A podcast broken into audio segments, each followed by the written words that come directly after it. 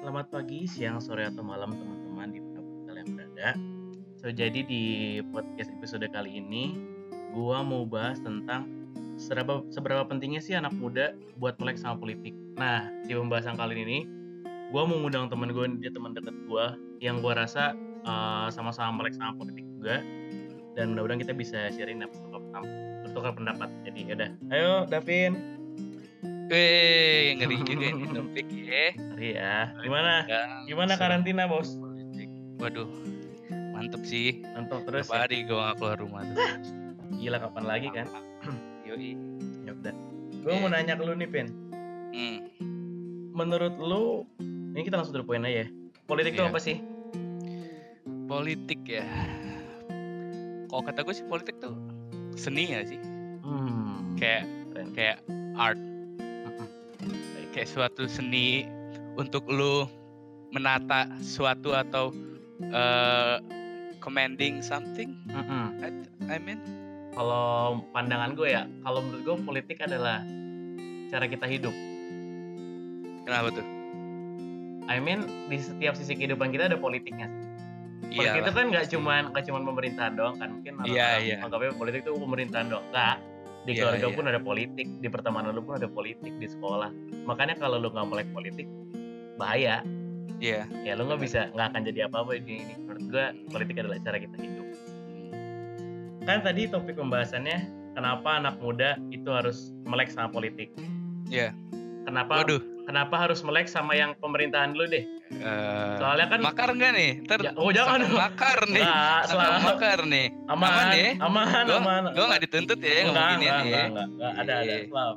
iya Oke oke. karena kan kalau menurut gua udah banyak anak muda yang tahu politik maksud gua cara memimpin tuh pasti udah udah pada paham lah ya cuma kan mereka banyak yang tidak peduli nih sama pemerintahan nah Hmm.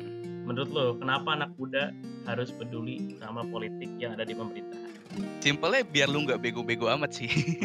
Kayak Mm-mm. ketika ketika lu nggak tahu keadaan politik di suatu negeri lu, lu Mm-mm. bisa aja kayak apa ya di bego-begoin oleh Iya. suatu calon yang bi- bi- yang biar lu milih dia padahal ya cuma ngomong kosong belaka ya apalagi kan apalagi kan di Indonesia tuh freedom of speech tuh kayak masih kasarnya Minim. tuh masih agak Mm-mm. dibatasin ya even setelah reformasi ya ya even setelah reformasi itu freedom of speech di Indonesia tuh masih jauh banget dari kata sempurna masih banget banyak, masih banyak banget kayak permasalahan-permasalahan apalagi kita kemarin. Yang di Papua kan Mm-mm. kemarin ada permasalahan yang di Papua yang Mm-mm. sampai internet tuh diblokir buat katanya sih buat tidak ada penyebaran hoax katanya sih begitu eh mulut ya Oleh yang- ya yang mulia Se- sensor ya ntar ya iya eh. bro bro ah gua nggak ini masih pengen masih pengen lanjut Eh, episode banyak nih iya udah makanya Iya, sensor iya, yang iya, tadi iya. ya, sensor ya yang tadi Oke. ya, namanya. Takut. Oh kita berhubung jadi jadi kenapa kita harus melek politik karena akan ada kebijakan yang berpengaruh di anak muda ya salah satunya tadi Iya. blokir internet di Papua juga sih waktu itu kan kita juga pernah tuh yang permasalahan ada demo kalau nggak salah tuh yang demo pasca pilpres yang Hmm. sampai internet itu down semua yang semua provider sampai nggak bisa buka Oh iya iya iya.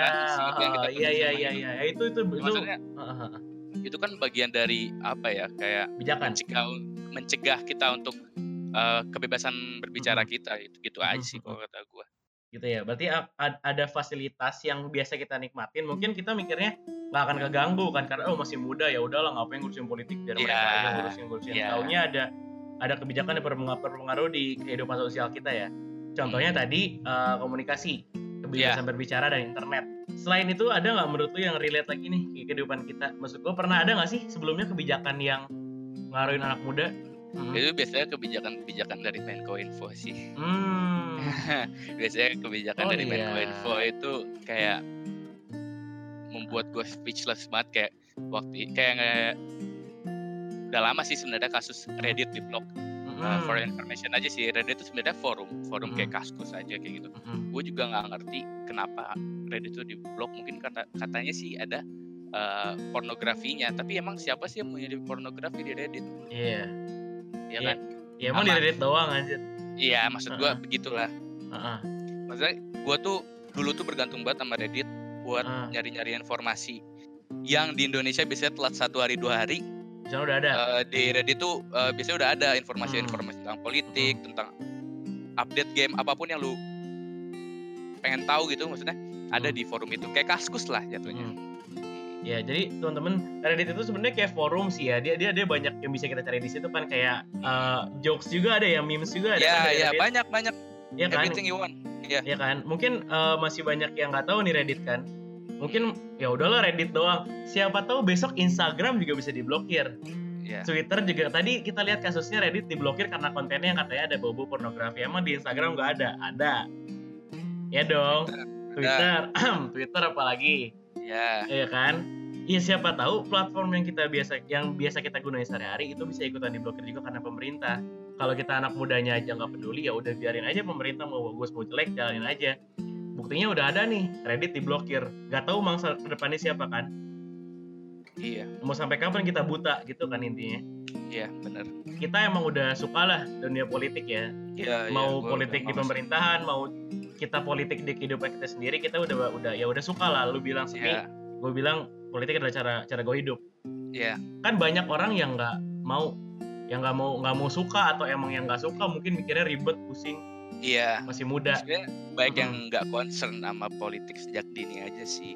Padahal kan Hmm, setiap warga negara itu berhak untuk mengikuti atau Hmm. mengawasi politik di negara masing-masing kan. iya betul Mumpung, mumpung Indonesia masih, kayak Masih. gini, masih masih Masih. demokrasi ini masih demokrasi nih. Ah. Gimana kalau misalkan nanti kita negara-negara yang eh, kurang banget freedom of speech-nya, contoh Arab Saudi, ya kan kurang banget kan. Kita nggak Mm-mm. bisa bicara seenaknya. Mm-mm. Atau North Korea, Korea Utara, tahu sendiri kayak gimana kan. Ya, Mumpung nih, teman-teman ya, mumpung kita masih, mumpung kita bisa nih, iya meskipun kita freedom of speech-nya emang nggak Ah. bener-bener freedom, tapi Ah. setidaknya kita masih bisa. iya betul Dari dari dari sekarang cobalah kalau concern nama Iya. namanya politik gitu. Sebenarnya itu penting banget coba menurut gua coba ulik-ulik dulu deh karena banyak yang asik tuh di politik tuh menurut gua Oh iya, iya, iya. selain kita selain kita ya tadi menilai pemerintah dan efeknya langsung ke kita kita juga bisa belajar hal-hal bodoh yang kita anggap pintar dulunya Contohnya? ya nggak sih? Karena kayak dulu mungkin gue SD atau SD SMP SD SMP ini gue ngomongnya pemerintahan tapi bukan pemerintahan Indonesia tapi ke pemerintahan lembaga pendidikan gue dulu. Hmm, ah pemerintahan lembaga, lembaga pendidikan. Dulu gue melambangkan sosok guru dan para personilnya itu ya udah mereka nggak bisa diatur dan nggak bisa di apa main-mainin gitu kebijakannya. Gue Iya. nggak suka ya udah yang yang yang yang mana kebijakan-kebijakan yang gue tuh mikirnya salah tapi karena gue nggak melek politik gue kira itu nggak bisa dikritik gue mikirnya akan selalu membenarkan apa yang orang lain katakan apa oh, bakal selalu ngebenarin apa yang pemerintah katakan gitu loh. Ketika lu mulai melek lu terjun lu eh jangan terjun lu mulai melek politik lu mulai tahu oh ternyata bisa dikritisi ya oh ternyata yang gua nggak suka orang lain juga banyak yang nggak suka dong. Dan kita Iya. punya hak buat ngomong kalau kita nggak suka dan apa alasannya baru di Iya. situ menurut gua kita belajar lagi kayak dulu yang mungkin kita nggak pinter itu sebenarnya nggak pinter mungkin kita yang ngerasa bodoh padahal banyak orang yang mikir dia juga bodoh gitu loh ya, menurut ya, ya, ya, kan Iya kan, baik lagi kan apa yang gua gua bilang tadi Hmm. itu politik itu apa? Politik kenapa gue bilang seni ya? Karena itu, Mm-mm. karena itu semua tuh bagian dari seni, bagian art, bagian dari suatu art. art ya Iya, kayak perang aja kan kata Shinzu juga kan seni kan. Kalau kata gue juga politik juga seni sesuai apa yang lu omongin tadi. Ya, karena ada yang mengatur ada yang membuat juga sih politik, Iya. Politik kotor. politik kotor gimana Menurut lu?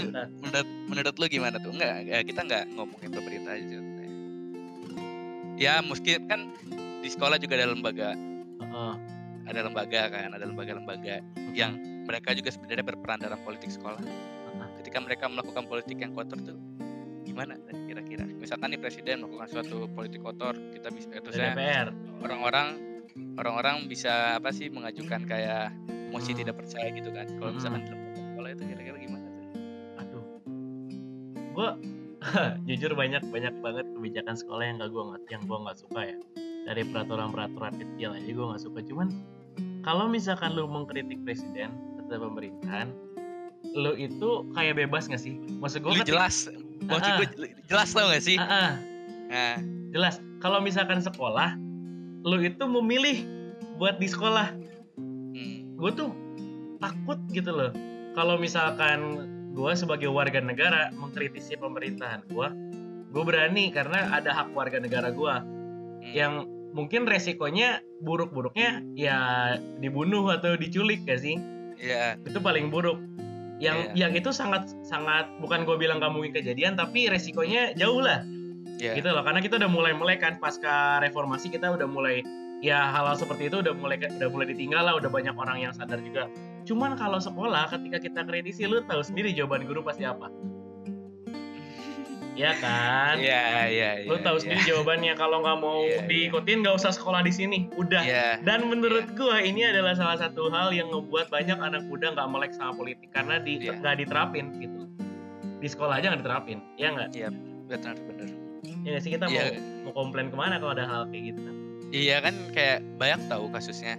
Nah, contoh. Waktu itu tuh ada yang anak SMK, dia tuh pintar, dia tuh selalu masuk lima besar. Cuman dia tuh selalu mengkritisi uh, kebijakan-kebijakan sekolah. Dia nggak lulus, bre. Dia nggak lulus. SMK Oh ya gue denger, gue denger SMK SMK, gue denger gue denger. SMK kan. Iya Dia iya. nggak lulus, bre. Ah, dan dia Maksud udah gua, nyat, ah, terus dia kan sampai ke dinas. ke ya. dinas dan dinas juga nggak bisa nggak bisa apa-apa. bisa. Keren. Dia, dia dinasnya Keren anjing. dinasnya cuma kayak kita cuma bisa merekomendasikan Iya iya iya "What? iya. Really gitu loh. Iya, that- itu itu yang buat kita takut sebenarnya cuy.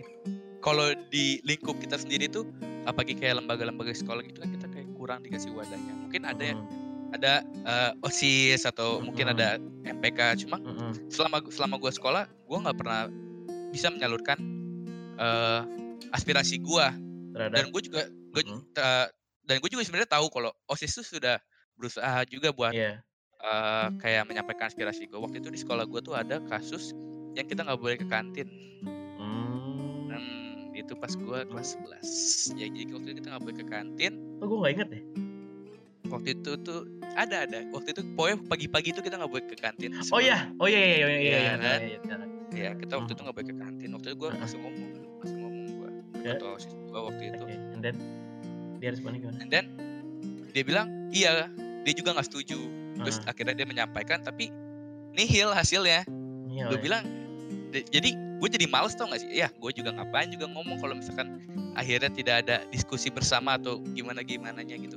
Karena menurut gue kalau yang namanya lembaga sekolah itu membuat kebijakan tuh harus ada masing har- harus ada eh, apa sih namanya kayak perwakilan masing-masing gitu loh. Ada yang perwakilan dari osis ada perwakilan dari gurunya ada eh, perwakilan dari eh, wakasek wakasek dan ada kemsek juga. Maksud gue?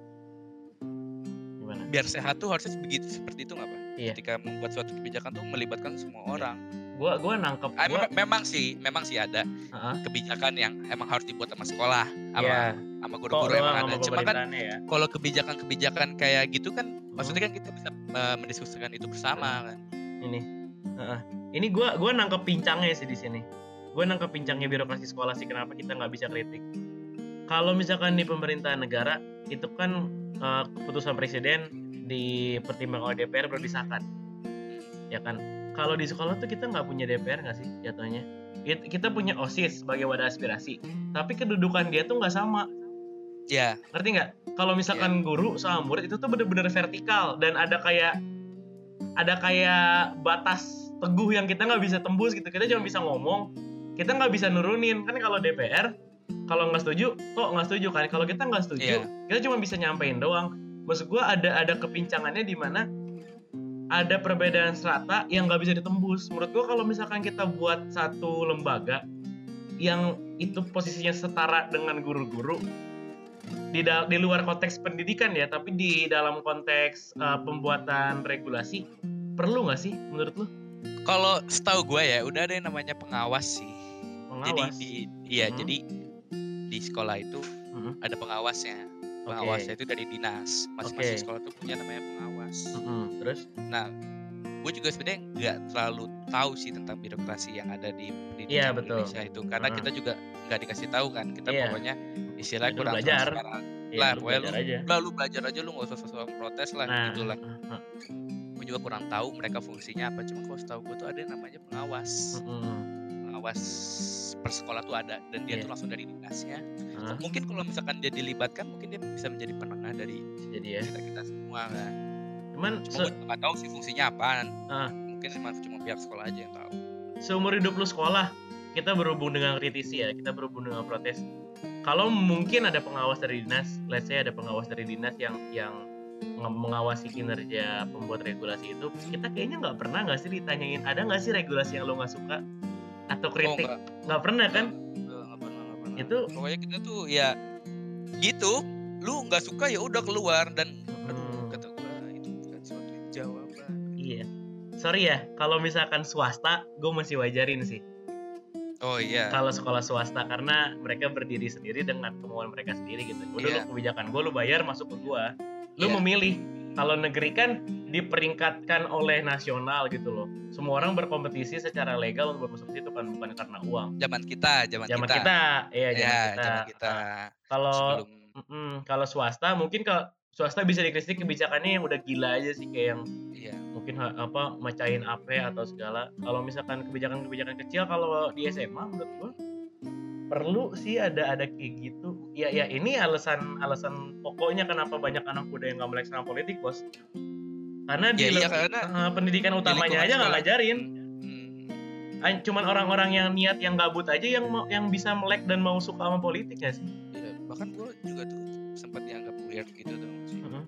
Kenapa tuh? karena sosokan sosokan kritisi sosokan bla bla bla bla gitu Heeh.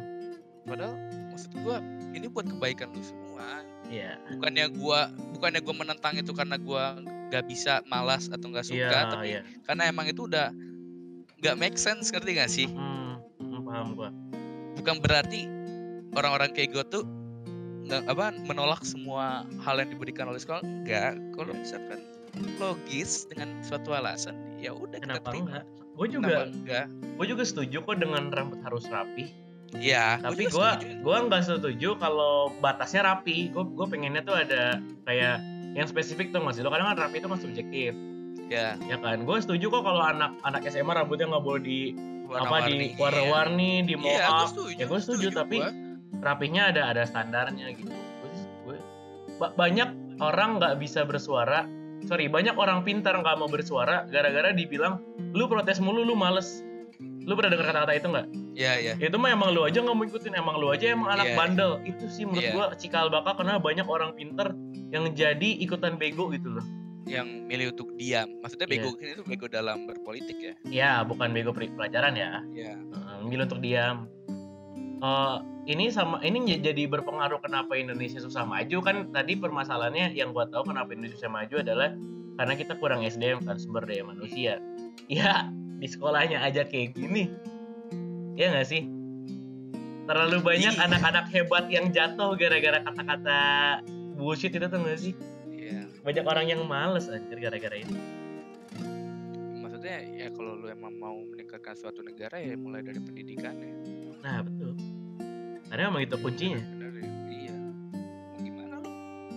Membuat SDM yang diinginkan tapi pendidikannya masih gitu-gitu aja. Kita tuh masih sama loh sama 100 tahun yang lalu. Pendidikan 100 tahun yang lalu sama, sama sekarang tuh gak jauh beda. tidak ada perkembangan Gak dikit ada, ya. nggak ada perkembangannya. Cuma gitu-gitu doang. gue pernah denger dari gue lupa ya guru les apa guru apa dia pernah ngomong dia tuh mungkin kalau bisa orang sekolah yang ngomong dia pernah ngomong kayak gini tujuan Indonesia sekarang dalam bidang pendidikan adalah revo- revolusi mental tapi gurunya aja sakit mental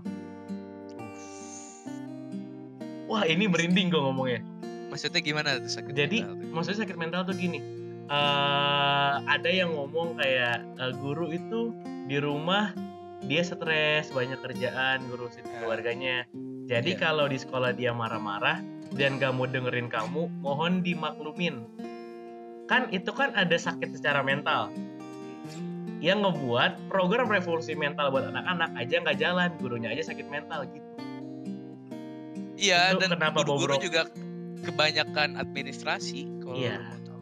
Jadi sebenarnya kita nggak bisa menyalahkan semuanya ke guru ya. nggak bisa satu pihak ya Nggak bisa, nggak bisa. Mm. Iya, maksudnya di sini nggak sepenuhnya salah tenaga ajar kita kita benar, nggak sepenuhnya mereka salah. Mm-mm. betul ngerti nggak maksudnya karena birokrasi Indonesia yang ya simpang siur yang kebanyakan sih Mm-mm. dari atas sampai bawah tuh kebanyak banget ya. Bapak diatur ya. Administrasi paperwork ya itu gila-gilaan. Gue juga kadang merasa kasihan sama Mungkin- seharusnya mereka tuh cuma mengajar tapi mereka banyak administrasi yang Ada- harus dikerjakan ada Jadi, tuntutan tuntutan harus menjadi pabrik nggak sih? Menurut kan banyak nih guru-guru yang udah pikirannya out of the box yang mereka sebenarnya tahu cara ngajar anaknya nggak semua orang tuh diajarin sama. Cuman ada ada tuntutan lu harus ngikutin apa yang gua bikin lu harus ngajar seperti apa yang gua ajarin. Hmm, mungkin aja kayak gitu. Ya makanya gue juga appreciate banget ya sama Pak Nadiem waktu itu buat kebijakan Mm. yang ngajar ya terserah guru kurikulumnya terserah gurunya karena yang tahu potensi masing-masing dari siswa. si anak itu ya ya Iya. si gurunya sendiri. Gue itu appreciate banget. Meskipun gue gak akan bisa ngalamin apa sih masa-masa pendidikan seperti itu tapi gue yakin kalau misalkan orang-orang kayak Mas Nadim ini kan dia nggak mau dipanggil Pak orang-orang kayak Mas Bro. Nadim ini Mm. itu di, di, di- ditaruh di institusi pendidikan pendidikan kita bakal maju ya maju banget sih dalam waktu 5 sampai 10 tahun. Tuh masih muda tuh dia masih Iya. satu masa jabatan lagi kan berarti Iya, bisa dipilih lagi kan jadi menteri bisa. Ya, Gua gitu juga- dia karena itu dan pemilihan menteri itu juga masuk dalam berpoli eh, dalam politik politik di mana ada partai di situ kan, koalisi Hmm. bla bla bla gitu.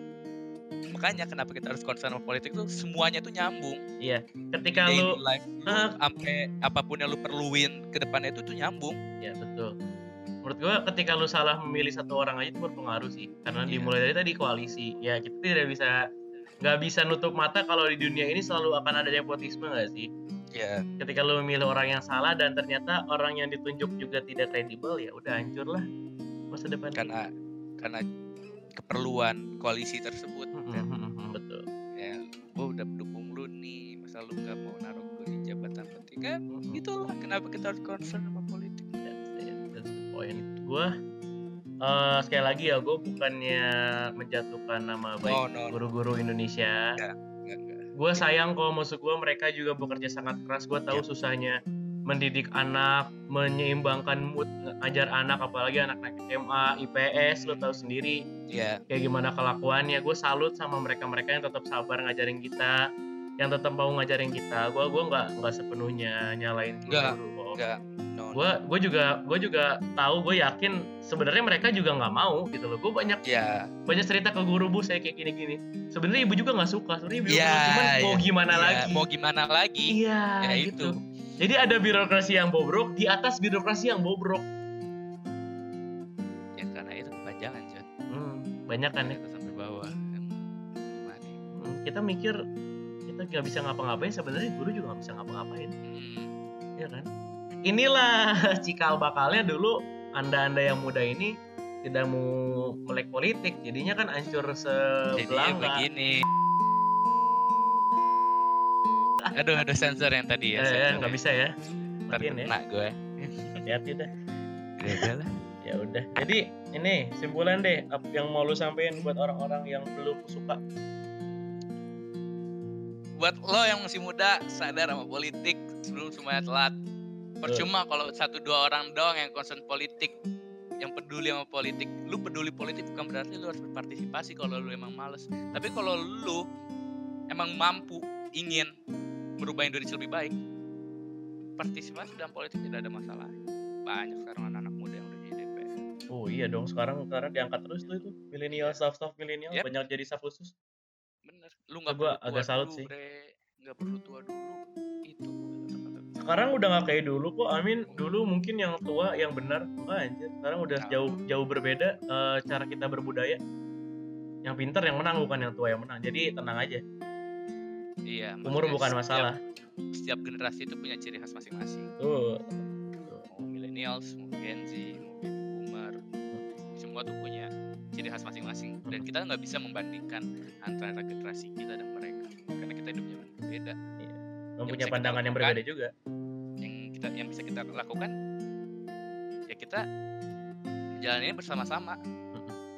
Dari semua generasi ini. Dari semua generasi dan semua pandangan ya. Kalau dari gue ya buat temen-temen yang masih belum kepikiran untuk melek politik ya lo lihat aja nih dari sistem sekolah lo. Gue yakin kok banyak banyak di antara kalian yang gak suka sama peraturan sekolah. Masalah nggak boleh telat kayak gini nanti hukumannya atau misalkan tadi dari simpel aja nih masalah paling simpel. Masalah rambut atau kayak mungkin di sekolah lu ada yang nggak boleh bawa HP ya. Itu tuh sebenarnya salah satu bentuk kenapa kenapa ada kejadian itu? Karena lu nggak melek politik gitu aja. Kalau lu mikirnya nggak ada pengaruh di hidup lu ini lu ngerasain sekarang. Lu ada lu kalau ngerasain ada kebijakan sekolah atau lu ngerasain ada hal-hal yang terlambat misalnya lu nggak bisa lihat konten-konten yang lu suka di sosial media itu tuh karena karena politik karena pemerintah yang menjalankan karena lu yang nggak melek jadi ada orang-orang yang berkuasa yang salah. Gitu sih. Lu jangan jangan malas ya jangan malas ngebaca jangan balas untuk turun gitu loh. Karena someday lu mungkin sekarang ketawa-ketawa denger orang yang ngebacot tentang politik tapi nanti kalau lu mau terus-terusan bodoh suatu saat lu akan jadi korbannya. Dan di situ lihat siapa yang ketawa. Nanti maksudnya orang bego yang masuk politik ngetawain lu semua yang tidak mau melek. Iya. lihat siapa yang ketawa. Udah gitu aja. Jadi jangan sampai semua terlambat. Udah itu. Intinya. Terima kasih Ananda Saverio udah telah Iya. membagikan pikiran podcast Oke, saya siap. hari ini Iya. ya udah jadi sampai jumpa di podcast selanjutnya terima kasih